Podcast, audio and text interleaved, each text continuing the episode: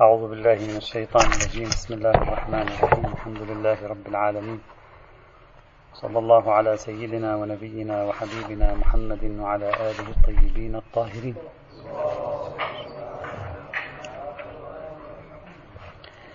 كنا نتكلم في الأصالة الموضوعية أو أصالة الطريقية. وكان البحث في أصالة الموضوعية بصفتها الأساس الذي لا يمكن الخروج عنه إلا بواسطة القواعد التي مرت معنا سابقا مثل التعليل ومثل مناسبات الحكم والموضوع وإلغاء الخصوصية وغير ذلك من طرائق التخطي عن حرفية النص عرفا. قلنا بأن المعروف بين الأصوليين والفقهاء بل عليه العمل والمدار في سلوكهم الاجتهادي أنهم يبنون على أصالة الموضوعية في العناوين المأخوذة في ألسنة النصوص. وبالتالي لا يمكننا الخروج عن عنوانية العنوان إلا بدليل. فالشطرنج إذا صب عليها التحريم تكون هي المحرمة. أما القول بأنها ذكرت كمثال لمطلق آلة القمار فهذا يحتاج إلى دليل. هذا ما يطرحونه عادة وعليه بناء نقاشاتهم وبحوثهم في ثنايا الدراسات الفقهية. سأذكر الآن خلاصة تصوري حول هذا الموضوع. وأطرحه بين يديكم وأنتم.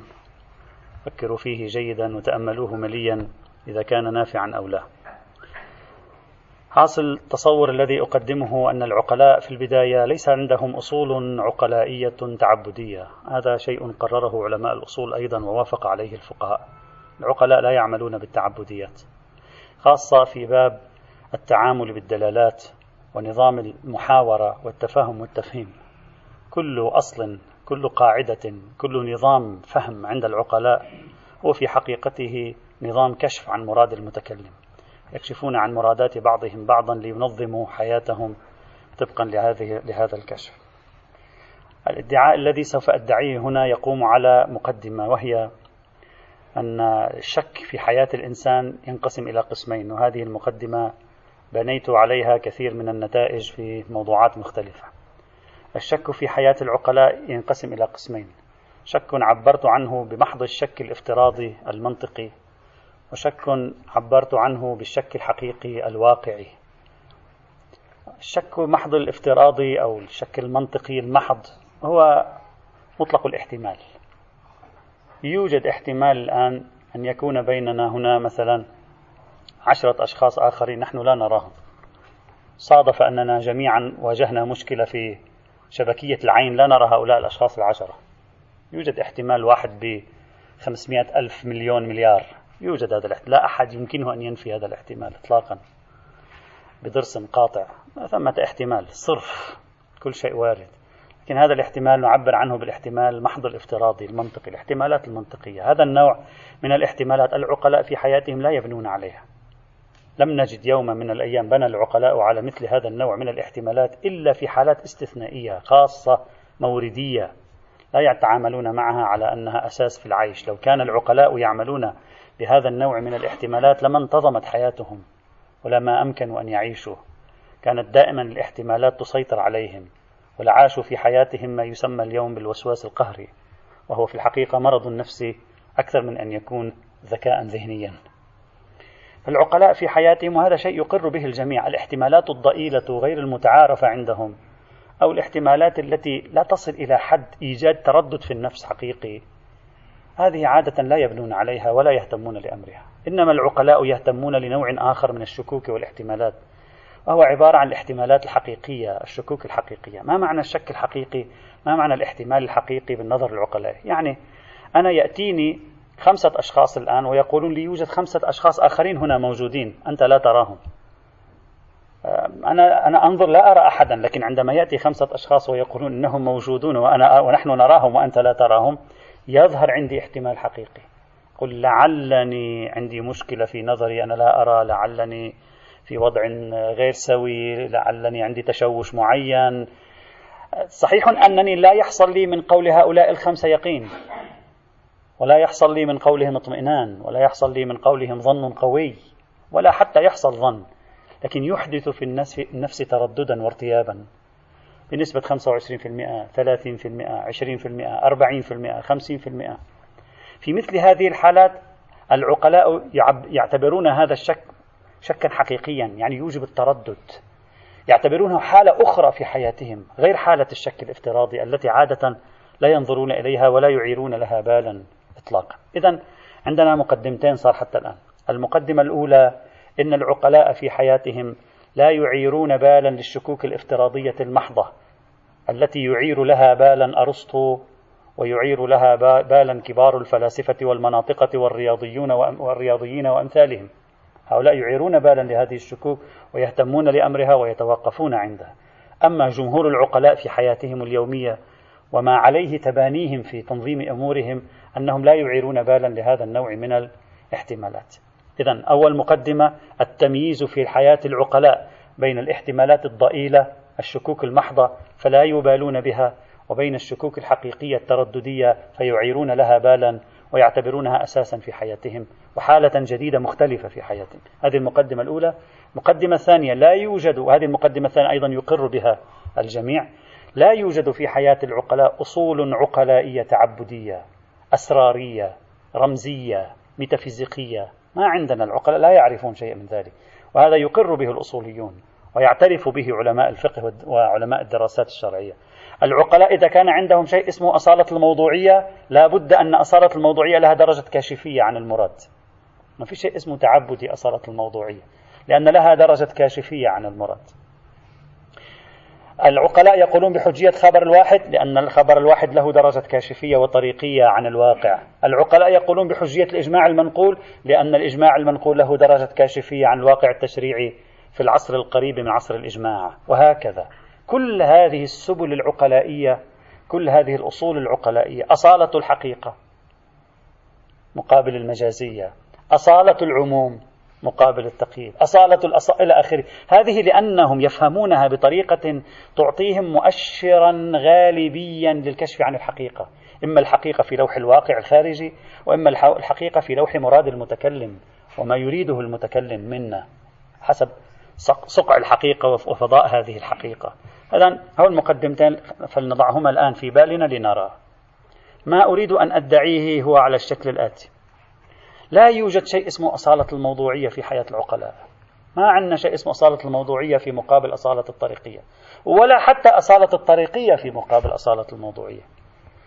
لكن في الوقت نفسه العقلاء يبنون على الموضوعية عند الشك الفرضي. لا لأجل أن هناك أصل اسمه الموضوعية قائم بنفسه بل لأن الشك الفرضي يساوي الاطمئنان بالعكس عندهم. لأن الشكوك الفرضية هي واحد بالمئة فعكسها اطمئنان. فلأنهم يبنون حياتهم على الاطمئنان يعملون حينئذ بعك... لا يعملون بالشكوك الفرضية ولا يعيرون لها بالا. هذا هنا نسميه نحن أصالة الموضوعية. أنا سأعطي مثال. جاء المتكلم قال لا تلعب بالشطرنج. في عندنا حالتين. بالنسبة لي أنا كإنسان عندي حالتين. الحالة الأولى لا يخطر في بالي كعاقل. احتمال أن سماحة الشيخ لما قال لي لا تلعب بالشطرنج قصد المثالية لآلة القمار. أصلا لا يأتي هذا في بال مباشرة أفهم منه الشطرنج صحيح يأتيني احتمال في ذهني احتمال أنه القمارية لكن هذا الاحتمال لا يساوي الواحد في المئة. لذلك أنا أبني على أصالة الموضوعية. وأصالة الموضوعية هذه ليست إلا تعبير عن الإطمئنان بمراده. ليست أصلا عند الشك. نحن نبحث عن أصول عقلائية في حال الشك. لا نبحث عن أصول عقلائية في حال الاطمئنان. أصل العقلاء في حال الاطمئنان واحد وهو الاطمئنان. لا توجد أصول متفرعة عنه. تسميات للاطمئنان في مواضع متعددة لا أكثر ولا أقل. فإذا أما لو أن سماحة الشيخ قال لي لا تلعب بالشطرنج ثم سمعت من ثلاثة أربعة أشخاص لا أثق بهم. سمعت أن الشيخ عنده أصلا الأصل عنده قضية القمار ولا, ولا يهتم لموضوع الشطرنج بما هو شطرنج. احتملت هنا أنا أن الشيخ هل يريد مني ترك الشطرنج مطلقا أو يريد مني الشطرنج هنا بوصفه آلة قمار؟ وقع الشك الحقيقي. السؤال هل عندك دليل في حال الشك الحقيقي أن العقلاء يعملون بأصالة الموضوعية؟ لا تقل لي العقلاء في في حياتهم اليومية يعملون بأصالة الموضوعية، نعم يعملون بأصالة الموضوعية في حياتهم اليومية لأنه ما عندهم شك حقيقي عندما يتفاهمون مع بعضهم، يعتبرون أن مراده عنوانية العنوان بنحو الاطمئنان، أما السؤال لو وقع شك حقيقي عندهم والتبس الأمر عليهم وجاءت شواهد أرجحت القضية عندهم، هل عندهم أصل اسمه أصالة الموضوعية؟ لا. لماذا؟ لأن ما معنى أصالة الموضوعية؟ لابد أن يكون لها كاشفية هذه أصالة الموضوعية. أصالة الموضوعية إذا لها كاشفية يعارضها كاشفية القرائن التي أورثت الشك في نفسي إذا لا يوجد أصل كاشف هنا تأملوا جيدا في هذا الموضوع. لا يوجد أصل. كثير مما سمي بالأصول العقلائية لا يرجع إلا إلى أصالة الإطمئنان. بناء حياة البشر على الإطمئنان. يذهبون أصلا بوصلة الأشياء التي يتجهون نحوها بوصلتهم تحصيل السكينة وليس الاضطراب والشك. فلذلك في كل مورد يكون الترجيح قويا. يحدث عندهم سكينة يميلون إليه. هلا في هذا المورد أنت سميته أصات الموضوعية. في هذا المورد أنت سميته أصات الحقيقة. في ذاك المورد أنت سميته كذا وكذا. إذا حاصل الادعاء باختصار شديد. لا يوجد شيء اسمه لا يوجد دليل على شيء في حياة العقلاء اسمه أصالة الموضوعية في حال الشك الحقيقي. غايته أصالة الموضوعية في حال الشك الفرضي وحال الشك الفرضي ليس هو مجال محل بحثنا هنا. لأن حال الشك الفرضي يساوق الاطمئنان والظن القوي جدا. قد تقول ودائما إخواني الأعزاء دائما في كل الأصول العقلائية المدعاة في كتب الفقه والأصول فكروا فيها بهذه الطريقة وانظروا هل حقا العقلاء لديهم أصول عقلائية يرجعون إليها آه، بالمعنى الذي قيل أو في الحقيقة كله تعبير آخر عن مرجعية الاطمئنان ونفي الشك الفرضي. ولأن الأصوليين والفقهاء فكروا بذهنية الفلاسفة والمناطق اعتبروا هذه الحالة شكا في حين هي عند العقلاء ليست بشك حالة الشك الفرضي. العقلاء لا يسمونها شك ولا يعتبرونها شكا. وإن كانت هي في لوح العلم الدقيق شك نعم. بل في موضع أشرنا إلى أن ما يسمى بالظهورات العرفية الظنية محل كلام. الآن أنا إذا أتكلم معك شيخنا هل يحصل لك ظن بمرادي فتعمل عليه أو 99% من موارد كلامنا مع بعضنا يحصل اطمئنان بمرادي. أين هي بناءات العقلاء على العمل بالظن الظهوري؟ إلا في الموارد التي يضطر فيها للعمل مثل القضاء. لأنه إذا ما فعل ذلك يتورط في مفسدة أعظم. فيلجأ إلى الظن بوصفه ضرورة لا بوصفه أصل. هذا هو الأساس الذي يطرح في المقام. ولذلك الشيخ السبحاني عبر قال الظن الاستق... الظهور الاستقراري عبر عنه. قال هو يقيني. طبعا يمكن أن تشكل أنت عليه تقول لو كلمة الظهور ظن ويقيني. هذا بارادوكسيكال يعني في تنافي هذا يعني مفارقة. كيف هذا التناقض هذا؟ هو يقصد من الظهور الدلالة وكلامه صحيح. وأنا كتبت مقالة صغيرة في التعليق على فكرته فكرة الشيخ السبحاني في هذا الموضوع تحت عنوان دلالات القرآن بين الظن واليقين. وقلت هناك بأن فكرة الشيخ السبحاني فكرة صحيحة حيث المبدأ وأن العقلاء لا يعملون بالدلالات الظنية. العقلاء يعملون بالدلالات الاطمئنانية الظنون القوية التي عليها بناء حياتهم. أما إذا احتمالات وصرف احتمالات لا. نعم عندما أنا أحصل لي اطمئنان هذا هو المراد لا أقول هو هو ولا غيره وأي شخص يقول غير ذلك عليه آلاف اللعائن. لا. لا أقول لا أقول احتمال أنني مخطئ. لكن هذا الاحتمال أنني مخطئ هو احتمال المنطقي. أما العقلاء لا يعير بالا لهذا الاحتمال يبني عليه رغم وجود هذا الاحتمال في نفسه بصفته عاقل من العقلاء لكنه لا لا يعير له بالا ولا يهتم له لأنه يعتبر أن هذه الاحتمالات الضئيلة لا يمكن بناء الحياة على أساسها. المشكلة. يأخذون بالقدر المتيقن. القدر المتيقن ليس أصل القدر المتيقن هو متيقن. لا سنرى بعد قليل. هل القدر المتيقن لصالح الموضوعية؟ لا. القدر المتيقن أحيانا تكون نتيجته لصالح الموضوعية أحيانا نتيجته لصالح الطريقية أحيانا نتيجته لصالح قاسم مشترك بينهما. الآن سأوضح هذه. طيب. لك أن تشكل علي وتقول شيخنا العزيز يا مولانا يا عزيزنا العقلاء إذا كان العنوان الذي أخذ في النص يحرم الشطرنج لا يجوز لكم اللعب بالشطرنج. إذا كان عنوان الشطرنج غير مراد للمتكلم لماذا لم ينصب قرينة؟ نفس عدم نصبه قرينة على إرادته الطريقية والمثالية من عنوان الشطرنج دليل على أنه يريد الشطرنج بعنوانه. وهذا العقلاء يعملون عليه ويستفيدون منه فهما اطمئنانيا أيضا. إذا لم يكن يريد الشطرنج بعنوانه لماذا لم يذكر قرينة على أن الشطرنج ذكر كمثال؟ فلذلك نقول أصل الموضوعية في العناوين الواردة في ألسنة النصوص والآيات والروايات. مثل لو لم يكن يريد الإطلاق لقيد لما لم يقيد نستكشف الإطلاق وهذا استكشاف عقلائي يستفاد منه الاطمئنان عادة اطمئنان بالمعنى العقلائي نتكلم. فقد تقول لي ذلك. الجواب وأرجو هنا انتباه قليلا لهذه القضية. القرائن المتصلة بالدلال بالألفاظ والجمال على نوعين كما درسنا جميعا. قرائن متصلة قرائن منفصلة. القرائن المنفصلة قال بعضهم تهدم الظهور في ذي القرينة قال آخرون وهو التحقيق عند المتأخرين تهدم الحجية في الظهور. ولذلك ينعقد الظهور بلا حاجة إلى إحراز عدم القرينة المنفصلة. بلا حاجة إلى إحراز عدم القرينة المنفصلة وهذا حققه الأصوليون تحقيقا رائعا خلال ال 100 200 سنة الأخيرة. اترك القرائن المنفصلة. تعال معي إلى القرائن المتصلة. القرائن المتصلة على نوعين قرائن ملفوظة وقرائن غير ملفوظة. قرائن ملفوظة رأيت أسدا يستحم. يستحم قرينة على أن المراد بالأسد الرجل الشجاع. وإن كان هم الأسد الحقيقي هم يستحم لكن على أي حال هذا هو المثال المعروف. مثلا يجوز هم يستحم الأسد الحقيقي ما ندري. طيب. فإذا قد تكون قرينة المتصلة ملفوظة قد تكون قرينة المتصلة غير ملفوظة. سواء كانت ملفوظة أو غير ملفوظة لا فرق. لا تسمح بانعقاد الظهور على خلافها. لا تسمح بانعقاد الظهور. يعني القرينة المتصلة لا يولد الظهور إلا بعد أن ينتهي الكلام. وإذا انتهى الكلام انتهت القرائن المتصلة. فالظهور يولد وتكون القرائن المتصلة أحد مكونات الظهور. لا أنه يولد الظهور ثم تأتي القرينة المنفصلة ثم تقوم بتعديل عليه لا. رأيت أسدا ما دمت أنا لم أنتهي. لا يتشكل ظهور. عندما يتشكل ظهور عندما أنتهي. مثل الجملة الفعلية في اللغة الفارسية. عندما يتكلم يمكن يتكلم معك دقيقة. في الأخير يضع لك الفعل. فأنت عليك أن تنتظر لترى الفعل ما هو. صحيح؟ الشخص الذي غير معتاد على تركيبة الفعل في آخر الجملة مثل مثل الناطقين باللغة العربية في بداية دراسته للغة الفارسية يشعر بصعوبة.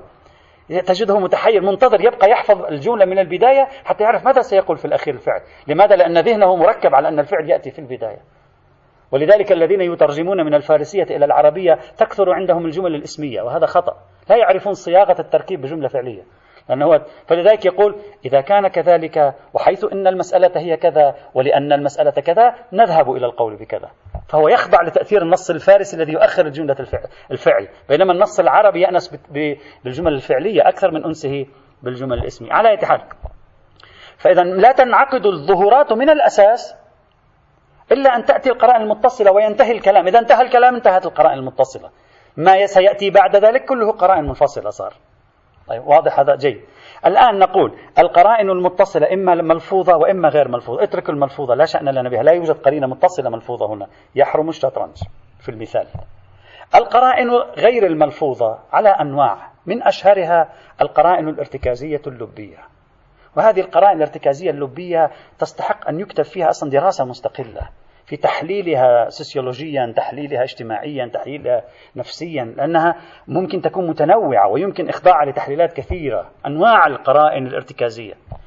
في العادة عندما أنا أتكلم بأي جملة كلامي كما قلنا مرارا جزء منه أنا أعبر عنه وجزء منه أنا أعتمد على وجوده في, في, في ذهنك.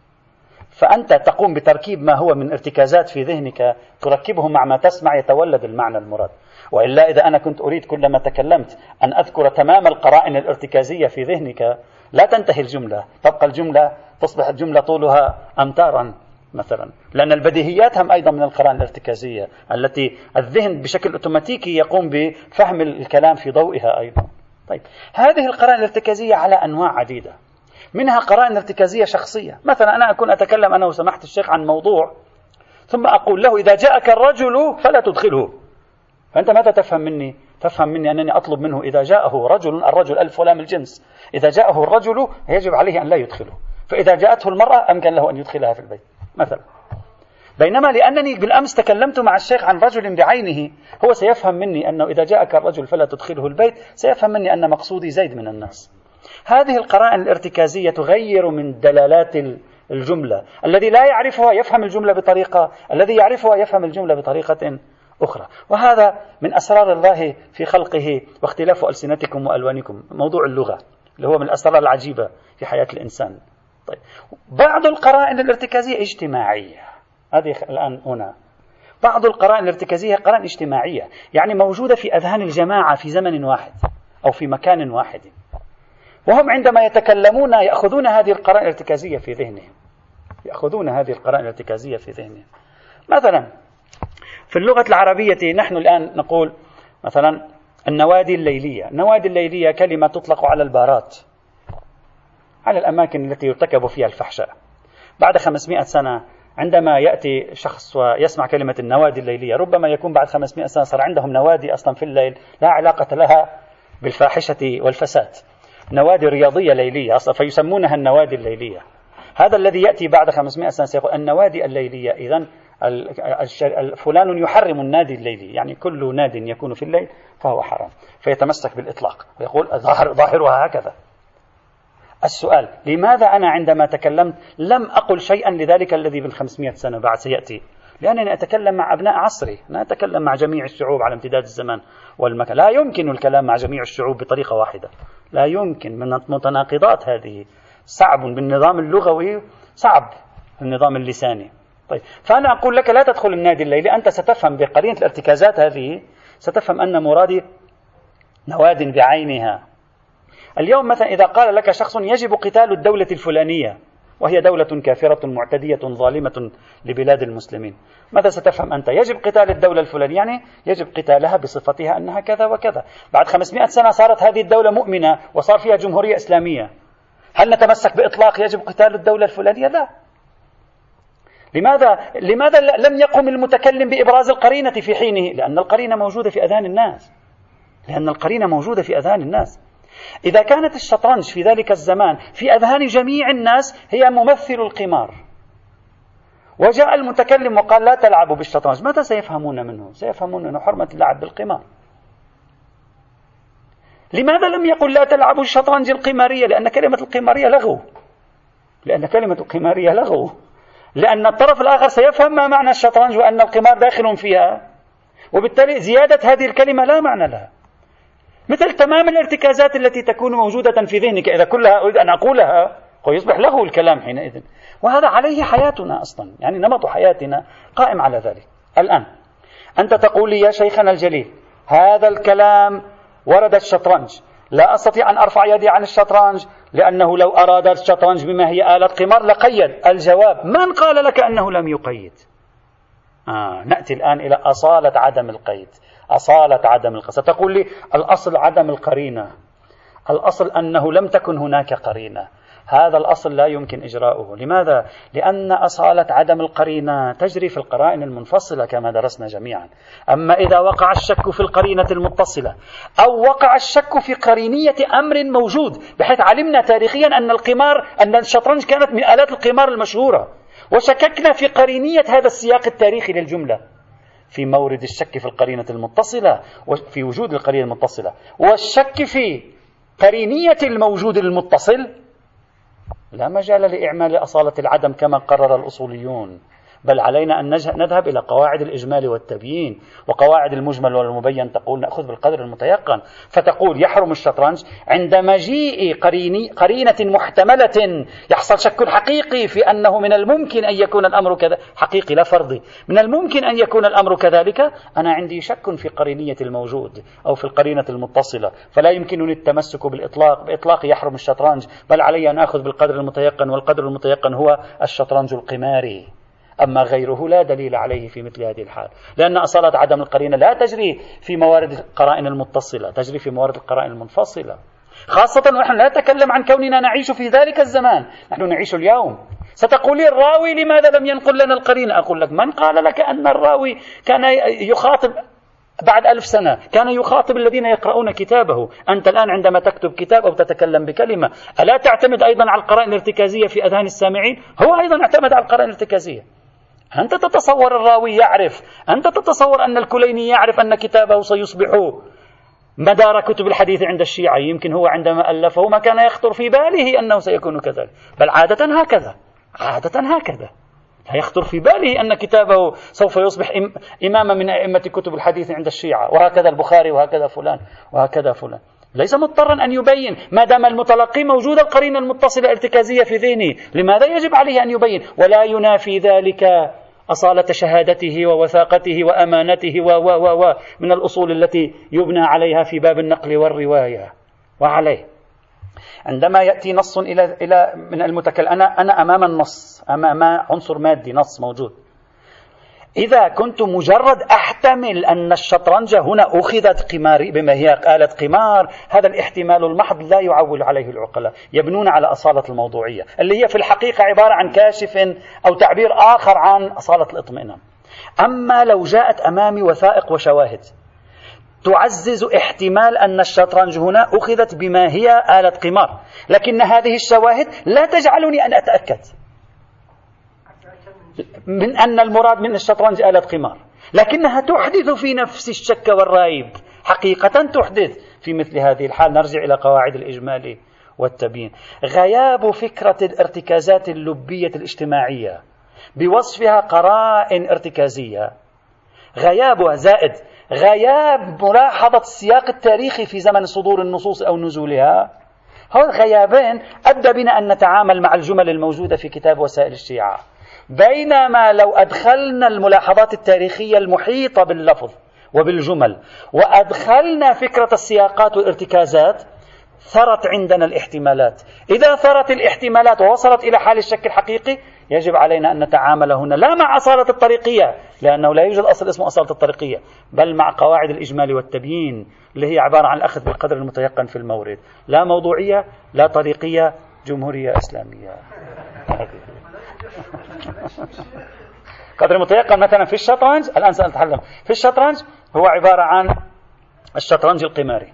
الشطرنج حال كونها آلة قمار لا يجوز اللعب بها ولو بدون مقامرة. الشطرنج إذا زال عنها وصف آلة القمار يجوز اللعب. لا دليل على التحريم. القمار الذي لا يكون شطرنج دليله موجود الميسر في القرآن. نفس الشيء أيضا. إذا في دليل هناك أيضا نحتمل أنه مربوط بالشطرنج وكان ارتكازيا؟ نعم نفس العملية أيضا.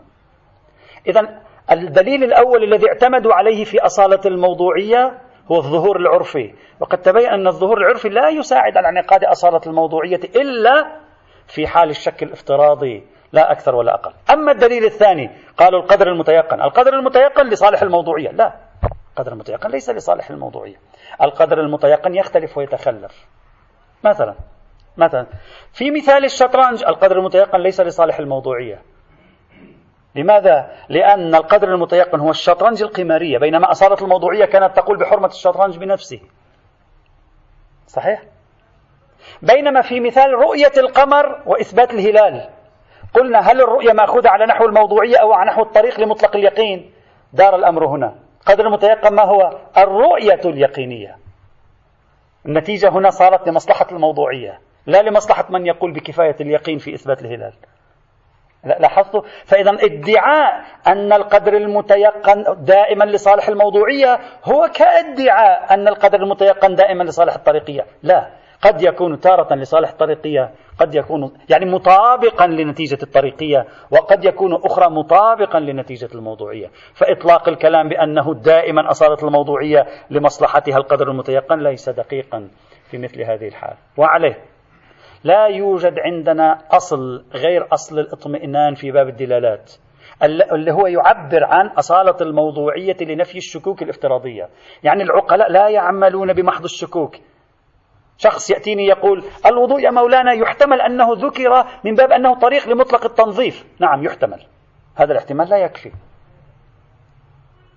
يجب أن تعطيني شواهد إما تثبت هذا الاحتمال أو تجعله احتمالا حقيقيا يؤدي إلى حالة الشك وبالتالي عدم وجود أصل موضوعي أو أصل آه، لفظي هنا يمكننا الرجوع إليه كأصالة الموضوعية أو أصالة الطريقية فما يفعله مثلا الفكر المدرسي في الاجتهاد الإسلامي من الجمود دائما على العناوين الواردة في ألسنة النصوص لا نخرج عنها إلا بقانون مناسبات الحكم والموضوع أو بتنقيح المناط أو إلغاء الخصوصية ليس صحيحا على إطلاقه. وأيضا ما يفعله بعض المعاصرين خاصة من أوساط بعض الكتاب والباحثين والمثقفين من أنه كلما واجه نصا قال هذا لا يحتمل أنه كذا مثلا متناسب مع ذلك الزمان. يثير محض الاحتمال ليرفع يده عن دلالة النص هذا هم أيضا لا وجه له حينئذ. لأن شك فرضي لأن هذه محض شكوك وافتراضات. ما لم تعطني شيئا يحصل عند الإنسان العقلاء لا عند الإنسان الوسواسي عند الإنسان العقلاء فعلا حالة ريب وارتياب بحيث نحتمل جدا وجود قرينة متصلة أو نحتمل جدا قرينية الموجود المتصل تاريخيا. لا يرفع العقلاء يدهم عن أصالة الموضوعية في موارد الشكوك الافتراضية. إذا وعليه لا يوجد أصل يواجه تلك القواعد التي مرت معنا. هذه هي الفكرة الأساسية التي أريد أن أبينها. لكن هذا لا يعني أنه لا يوجد أصل البتة. يوجد أصل الموضوعية في مقابل الشكوك الافتراضية وهذا نافع. لأنه إذا أصل الموضوعية لا يكون موجودا في مقابل الشكوك الافتراضية لا يبقى حجر على حجر يعني سوينا مشكلة كبيرة. ولكنه موجود الحمد لله. إلا في حالة واحدة يمكن القول فيها بأصالة الطريقية. ليس بأصالة الموضوعية. حالة واحدة يمكن ادعاء أصالة الطريقية فيها وهي العناوين التي تنصب عليها الأحكام وتكون سنخ عناوين هي بنظر العقلاء طريق للشيء ليست بشيء في حد نفسه. مثل عنوان الرؤية ما لم تقم قرينة عكسية. إذا رأيت زيدا دخل الدار فالق القبض عليه. العرف هنا لا يرى قيمة للرؤية. الرؤية طبيعة مفهوم الرؤية مفهوم طريقي. يعني إذا علمت بدخوله الدار إلا إذا جاءت قرينة خاصة في مورد حددت أنني فقط أريد الرؤية. المشاهدة إذا شاهدت فكذا وكذا. كثير من وسائل الإثبات القضائي يمكن التفكير فيها بهذه الطريقة. مثلا موضوع البينات. هذه يمكن التفكير فيها. إذا العناوين التي هي بنفسها عناوين طريقية. يعني هي بنفسها عناوين إرائية عناوين كشف عن غيرها. ليس لها هوية في حد نفسها بنظر العقلاء. هذه إذا انصب الحكم عليها. الأصل الأولي بنظر العقلاء عدم تعلق الحكم بها بنفسها لأن هويتها إراءة لغيرها. فالحكم متعلق بالمنكشف لا بالانكشاف. في مثل. وهذا وافق عليه الكثير من الفقهاء في مواضع متعددة بالمناسبة. آه هناك لأنه جاءتهم بعض التعابير الروائية وجاءتهم بعض الخصوصيات تشير إلى شيء جعلتهم يتمنعون عنده وإلا الأصل هكذا ينبغي أن يكون. نعم.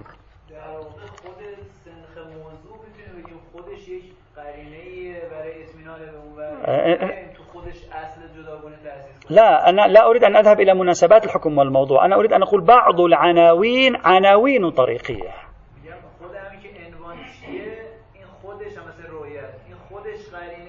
بله بله بله. همين همين لا لا أقصد بالأصالة الطريقية يعني الأصل عند الشك. أريد أن أقول العقلاء الخطوة الأولى التي يتعاملون فيها مع العناوين الطريقية أنهم لا يلاحظون فيها الموضوعية. نوع من العناوين مثل مثل هذه العناوين اللي هي في الحقيقة لا ينظر إليها إلا بما هي كاشف لا يعني النظر في الحقيقة للمنكشف لا للكاشف. هذه الخصوصية.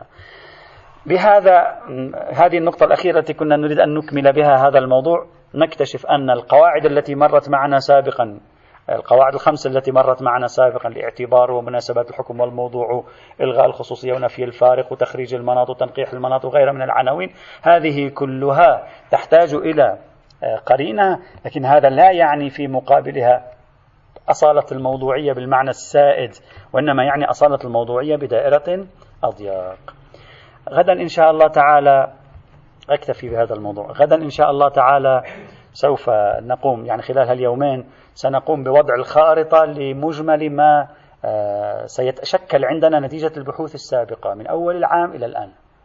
هذه الخارطة التي ستتشكل إن شاء الله تعالى نتيجة البحوث السابقة سنولد منها تصورا كليا. بعد أن نشرحها سنرى ما هي موانع انعقاد هذه الخارطة وعلى رأسها القياس والنهي عن إعمال العقل في الدين. وسنبدأ إن شاء الله تعالى بالبحث عن المزاحمات لكل هذه القواعد التي ساروا عليها والتي تلتقي على عنوان واحد وهو التعدي عن حرفية النص قواعد التعدي عن حرفية النص إذا غدا ربما يأخذ معنا يوم أو يومين سن يعني سنصوغ الطرح كاملا وفقا لما بحثناه من بداية العام إلى اليوم. مرجعية الاستقراء مرجعية التعليل النصي ومرجعية القواعد غير النصية المساعدة أو الثلاث مرجعيات اللي عليها القوام. سنصوغ الأطروحة ثم نرى ما الذي سوف يزاحمها وما الذي سوف يقف مانعا في مقابلها وعلى رأسه إعمال العقل في الدين ومسألة القياس. أن نبحثها بشكل من الأشكال. يكفي. والحمد لله رب العالمين.